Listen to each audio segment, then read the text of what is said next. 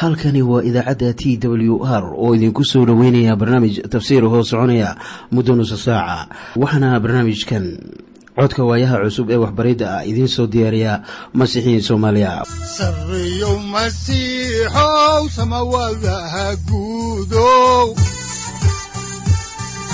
Siraadkii adduunkow subanaha eebow sareyow masiixow samawadaha guudow siraadkii adduunkow subanaha eebow adigoo samada soo saldhiganba adigoo kutubtiisanaye udanogu saaciiday sharxin sifahaaga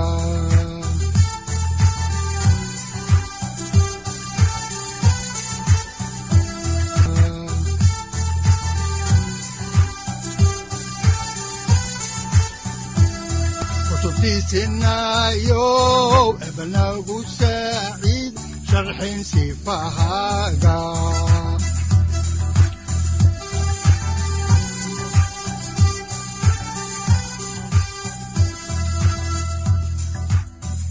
satirow ilaahow adanku su'aalne satirow ilaahow ku soo dhowaada dhegaystayaal barnaamijkeenna dhammaantiinba. Waxaannu horay u sii ambaqaadi doonnaa daraasaadkii aynu ka soo xiganaynay kitaabka bilowgii ee loogu magacdaray baibalka dhammaantii. Waxaannu weli daba joognaa qisadii yuusuf oo ahaa wiilkii yacquub oo addoon ahaan loogu iibiyey dhulkii masar mawduucyada cutubkan uu ka kooban yahay waxa ay kala yihiin kow. Riyadii fircoon. Labo. Yuusuf oo tarjumaya riyadii fircoon. Saddex. Yuusuf oo laga dhigay taliyihii dalka masar. Afar. Yuusuf oo guursaday gabar magaceeda la yidhaahdo asinet shan. Yuusuf oo laba wiil u dhasheen balse intaynaan guda gelin barnaamijkan aynu dhegaysanno qhasiidadan soo socota. Bashiirow masiixii kii loo bogaan barakaysanayna boqorkeenna weyn.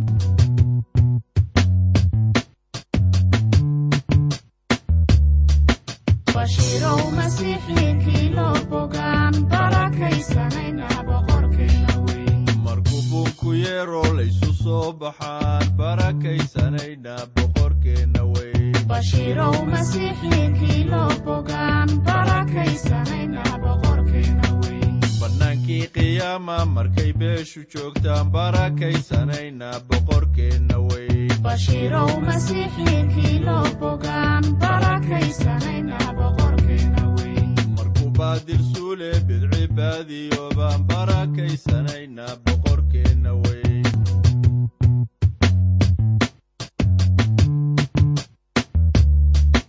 bashiirow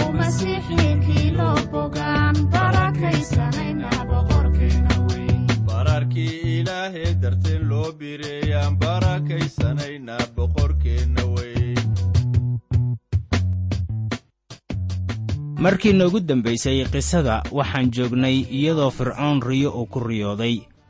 Waxaanu uu isugu yeedhay faalliyayaashiisii iyo saaxiriintiisii waxaana dhacday inay saaxiriintiisii iyo faalliyayaashiisii iyo kuwii xikmadda lahaaba ay garan waayeen macnaha fasirka riyada. Markaasaa kii madaxa u ahaa kuwa kamriga siiya soo xusuustay yuusuf oo ay isku meel ku xabisnaan jireen. Haddaan dib ugu noqonno kitaabka bilowgii cutubka afartan iyo koowaad aayadaha toban ilaa saddex iyo toban ayaa waxaa qoran sida tan. Fircoonow adigoo u cadhaysnaa addoommadaada. Waxaad igu xabistay guriga madaxa waardiyaasha oo waxaannu ahayn aniga iyo kii madaxa u ahaan jiray kuwii wax dubi jiray.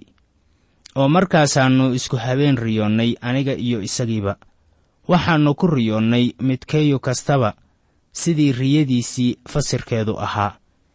Oo halkaasna waxaa nala joogay nin dhallinyaro ah oo cibraani ah oo madaxa waardiyayaasha addoon u ahaa markaasaannu isagii u sheegnay oo isna wuu noo fasiray riyooyinkayagii nin kastana sidii riyadiisu ahayd buu ugu fasiray.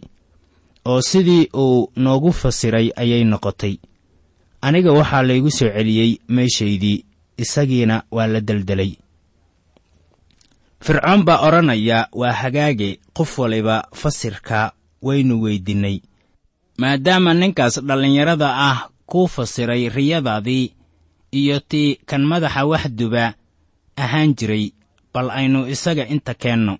Waayo waxaan dareemayaa in riyadaydu ay muhiim tahay. Iminkana aynu ka hadalno maaddada ah yuusuf oo fasiray riyadii fircoon.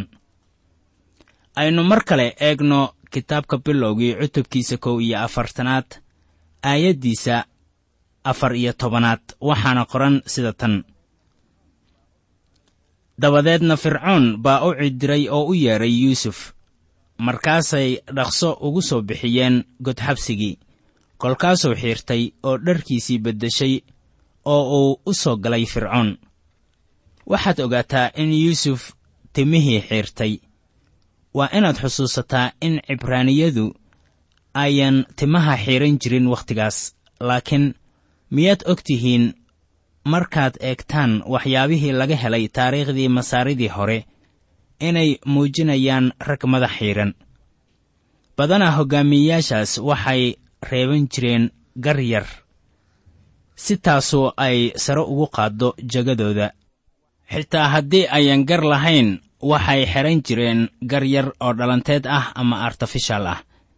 Laakiin sida qaalibka ah way madax xiirnaan jireen oo timo badan kuma lahaan jirin wejiga iyo madaxooda. Waxaa tanu ay ina siinaysaa farriimo badan. Ninkan waxaa laga soo saaray godxabsigii uu ku jiray haatan. Timihii buu iska jaray oo wuxuuna iska saaray dharkii xabsiga. Wuxuuna xidhay dhar kale. Waxaa haatan hor yaalla nolol cusub. Waxay la mid tahay sarakicidda nolosha. Waa la sara kiciyey haatanna wuxuu u imaanayaa qurumaha. War maxay taasu ina siinaysaa sawir la mid ah? Kii masiixa. Haddaan dib ugu soo noqonno kitaabka ayaa waxaa ku qoran cutubka kow iyo afartanaad aayadda shan iyo tobanaad sida tan. Markaasaa fircoon wuxuu yuusuf ku yidhi riyaan ku riyooday mana jiro mid fasiri karaa oo waan maqlay in markii aad riyo maqashid aad fasiri kartid bal haatanna waxaad eegtaa sidii yuusuf ilaah u ammaanay isagoo leh sida ku qoran aayadda xigta ee lix iyo tobanaad waxaana qoran yuusufna fircoon buu u jawaabay oo ku yidhi taasu xaggayga ma aha laakiinse ilaah wuxuu fircoon siin doonaa jawaab nabadeed. Waxay ahayd in yuusuf arrin kastoo la soo gudboonaada oo ku sarraysiiyo ilaah waxaan mar kale idinku leeyahay waa in ninka ilaah u feejignaado ama u toog hayo in ilaah uu ku ammaanmo wax kasta ee u hirgala.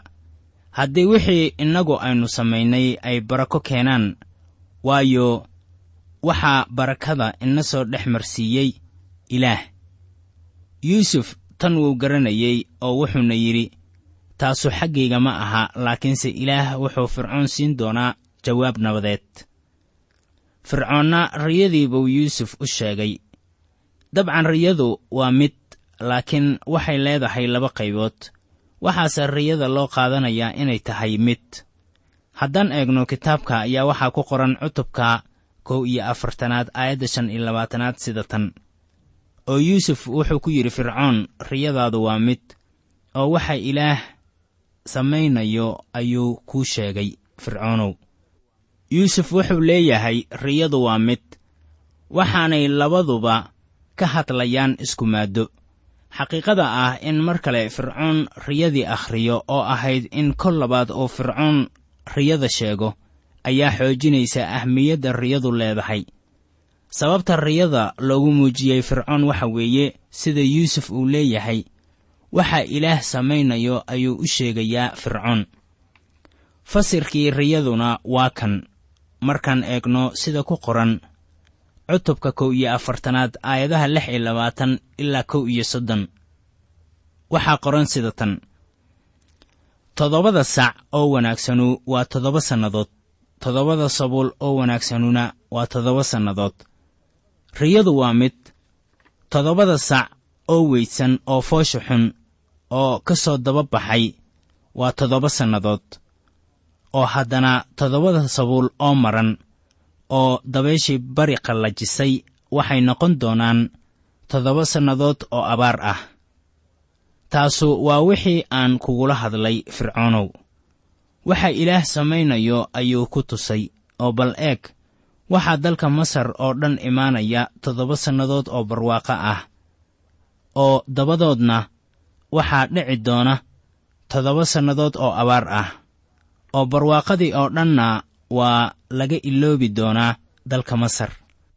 Markaasay abaartu dhulka dhammayn doontaa barwaaqadana dhulka lagama ogaan doono abaartaas ka dambaysa aawadeed waayo waxay noqon doontaa mid aad u xun.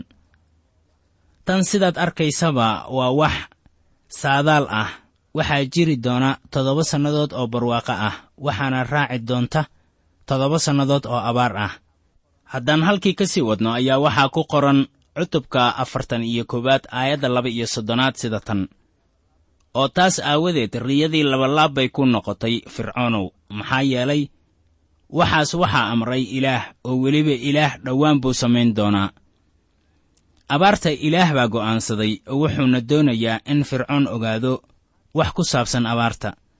Haatanna yuusuf waa inuu talo ka siiyo fircoon waxa la yeelayo waxaannu halkaasi ka sii wadi doonnaa qisada iyadoo aannu arki doonno taladii yuusuf soo jeediyey iyo wixii fircoon uu ka yidhi. Haddaba waxaa dhacday inuu u fasiray riyadii waxaana fircoon loo sheegay in abaari soo fol leedahay laakiin ay ka horrayso toddobada sannadood oo aaranka ah.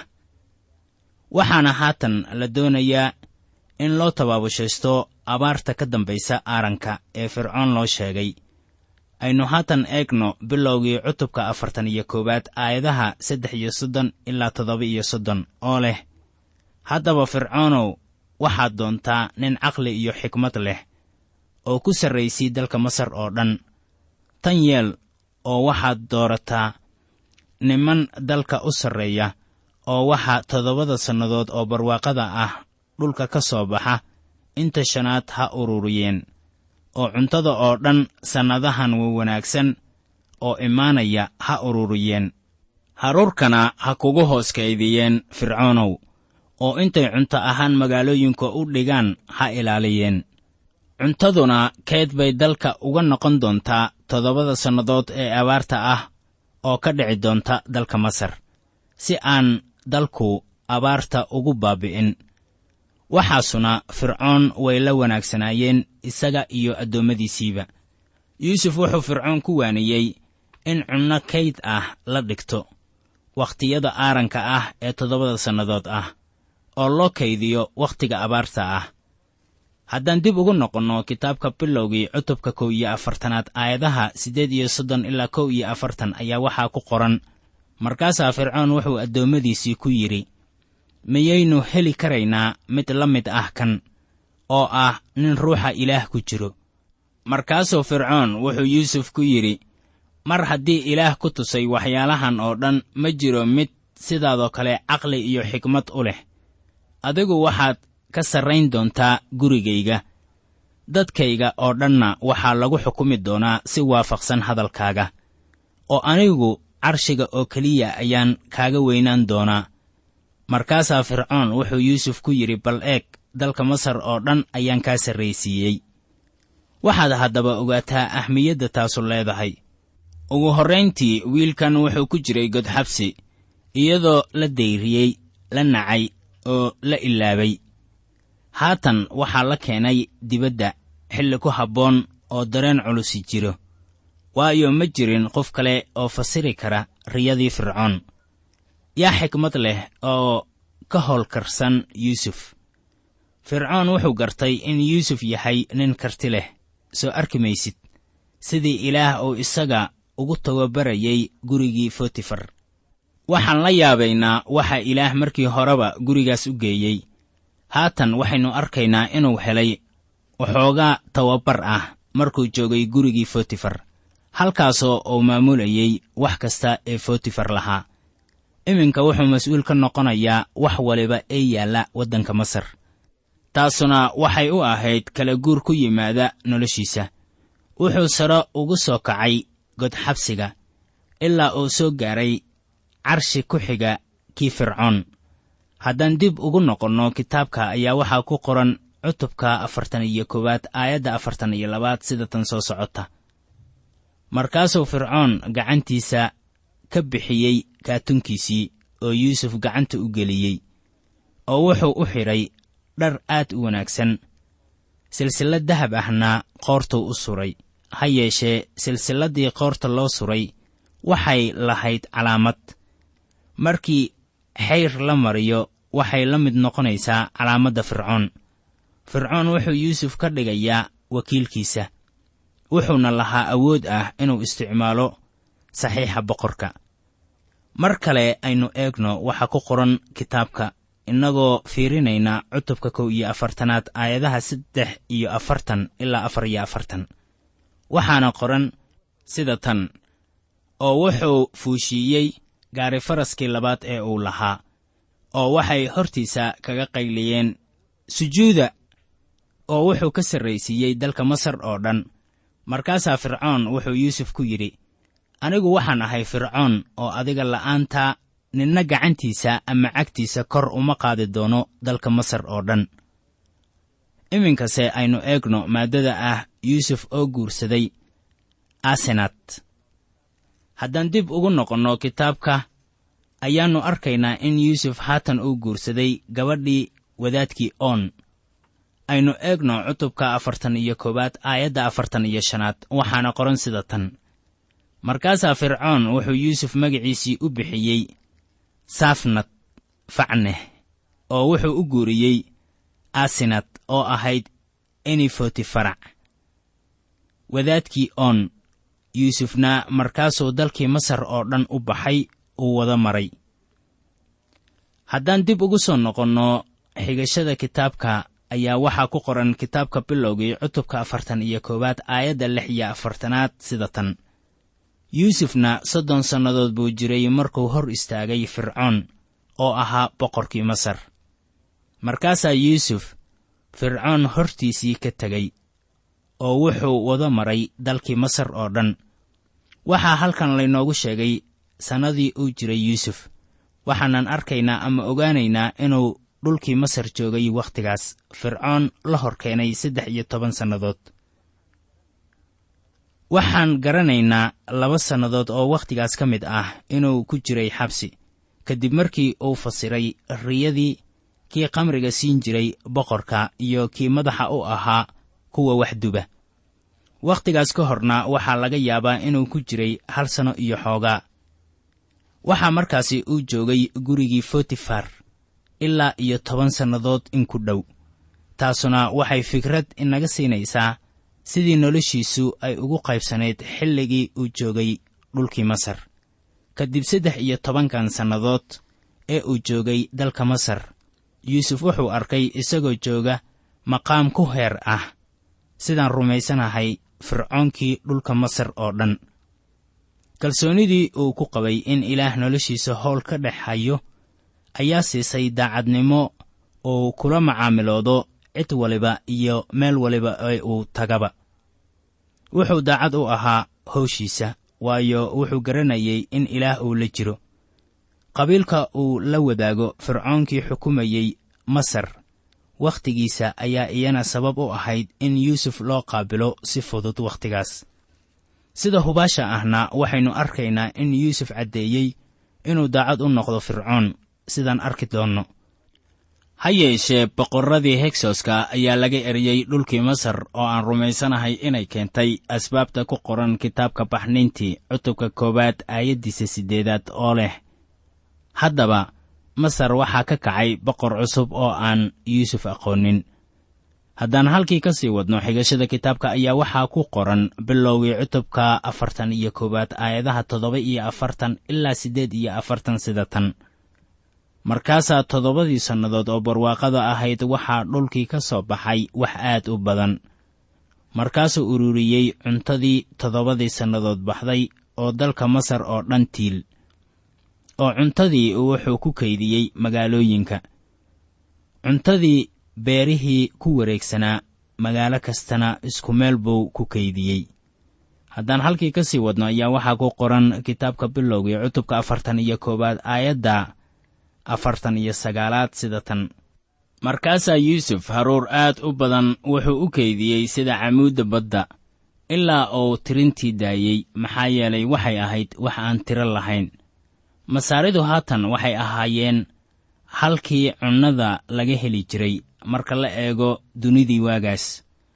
Marka yuusuf maamulka hayo ayaa waxaa halkaasi ka soo baxaya cunnooyin dheeraad ah oo aan iyagoo kale la arag intii quruunina jirtay.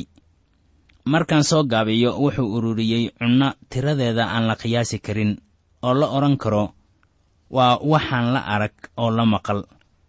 Haddaan dib ugu soo noqonno kitaabka ayaa waxaa ku qoran cutubka afartan iyo koowaad aayadaha konton ilaa laba iyo konton sida tan.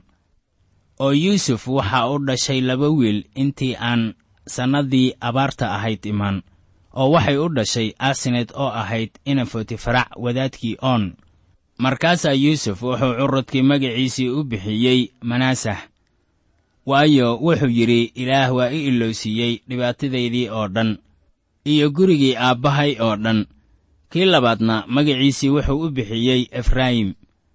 Waayo wuxuu yidhi ilaah waa igu badiyey dalkii aan ku dhibtooday. Wuxuu yidhi ilaah baa i ilowsiiyey dhibaatooyinkii reerkii aabbahay wuxuuna magacii wiilkii koowaad ugu yeedhay manaaseh oo aad odhan karto wiilkii ilowshaha. Wiilkii labaadna wuxuu u bixiyey efraayim oo micno ahaan noqonaysa kan tarankiisu sarreeyo. Yuusuf magacyadan buu u bixiyey waayo ilaah baa ilowsiiyey gurigii aabbihiis oo wuxuu ku tarmiyey dhulkii masar aynu eegno aayadda saddex iyo kontonaad ee cutubka afartan iyo koowaad waxaana qoran sida tan. Markaasaa toddobadii sannadood oo barwaaqada ahayd ay dalkii masar ka dhammaadeen. Haatan waxaa halkaasi ku dhammaaday toddobadii sanno ee aaranka ahaa oo waxaa bilaabmaysa abaartii. Wakhtigan yuusuf wuxuu jiraa soddon iyo toddoba sannadood. Waa inaad taas maanka ku haysataa markaannu bilaabayno cutubka xiga haddaba aynu eegno waxa ku qoran cutubka afartan iyo koowaad aayadaha afar iyo konton ilaa shan iyo konton oo leh oo waxaa bilaabantay toddobadii sannadood oo abaarta ahayd sidii yuusuf yidhi. Dalalkii oo dhanna abaar baa ka dhacday laakiinse dalka masar oo dhan cuntaa jirtay oo markii dalkii masar oo dhammu wada abaarsaday ayaa dadkii fircoon cunto ugu qayliyeen markaasaa fircoon wuxuu ku yidhi masriyiintii oo dhan yuusuf u taga oo wuxuu idin yidhaahdo yeela bal aan dareenkaaga u soo jeediyo xaqaa'iqa ah in yuusuf uu yahay kan rootiga ama badarka haysta. Waxaana inta yaalla isku barbardhig kale oo lagu mathaali karo sayid ciise masiix. Markaasoo uu lahaa anigu waxaan ahay kibista nolosha haddaan horay ugu sii soconno ayaa aayadaha ugu dambeeya ee konton iyo lix ilaa konton iyo toddoba ee kitaabka bilowgii leeyihiin oo abaartuna waxay ka dhacday dhulka dushiisa oo dhan. Markaasaa yuusuf wada furay maqaasinadii oo dhan oo wuxuu haruurkii ka iibiyey masriyiintii. Abaartuna aad bay ugu xumayd dalka masar.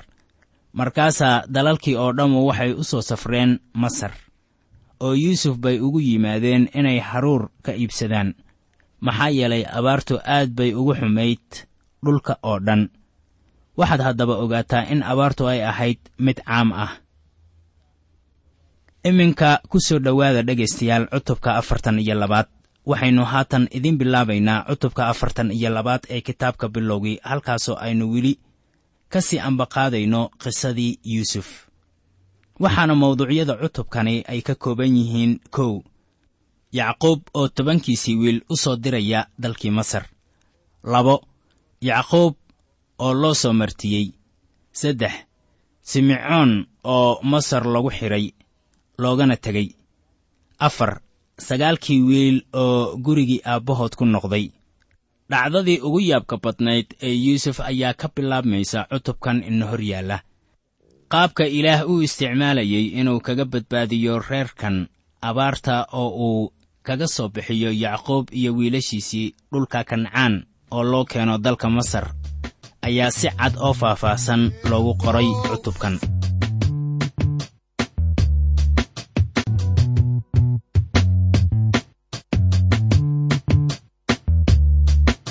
bashiirow masiixii kii loo bogaan barakaysanayna boqorkeenna weyn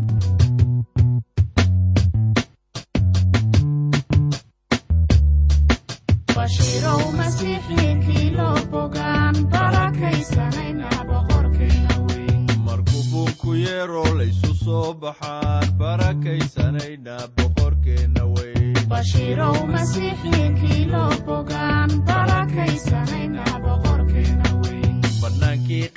qiyaama markay beeshu joogtaan barakaysanayna boqorkeenna weyn bashiirow masiixii kii loo bogaan barakaysanayna boqorkeenna weyn markuu baadil suule bidci baadiyo baan barakaysanayna boqorkeenna weyn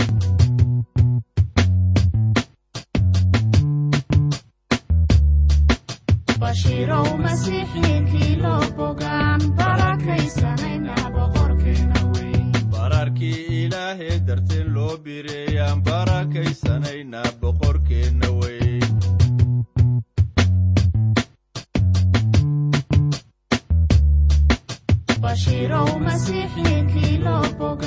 Barakaysanayna boqorkeenna badbaadsha adduunkee ballanqaadna siiyaan barakaysanayna boqorkeenna weyn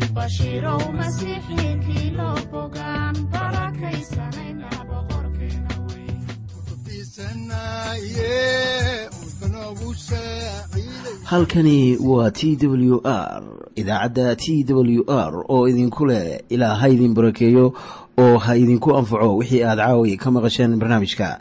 Waxaa barnaamijkan oo kalea maqli doontaan habeen dambe hadahan oo kale haddiise aad doonaysaan in aad fikirkiina ka dhiibataan wixii aad caawi maqasheen ayaad nagala soo xiriiri kartaan som t w r at t w r c o k e dhegaystayaal haddii aad doonaysaan inaad mar kale dhegaysataan barnaamijka fadlan mar kale booqo www t t b o r g ama www t w r o r g halka sare waxaad ku arkaysaa markii aad gasho language ama luuqadda waxaana dooranaysaa soomaali haddii aad doonaysaan in aad dejisataan oo kaydsataan barnaamijka ama aad mar kale dhegaysataan fadlan mar kale booqo www t t b t w r o r g ama www t w r o r g haddii aad doonayso in laga kaalmeeyo dhinacyada fahamka kitaabka amase aad u baahan tahay duco fadlan fariimahaaga soo mari bogga aaraahda ama kommentska inana jawaab degdeg ah ayaanu ku soo diri doonaa amase ku siin doonaaye sarreyow masiixow salula wihiyow saacadda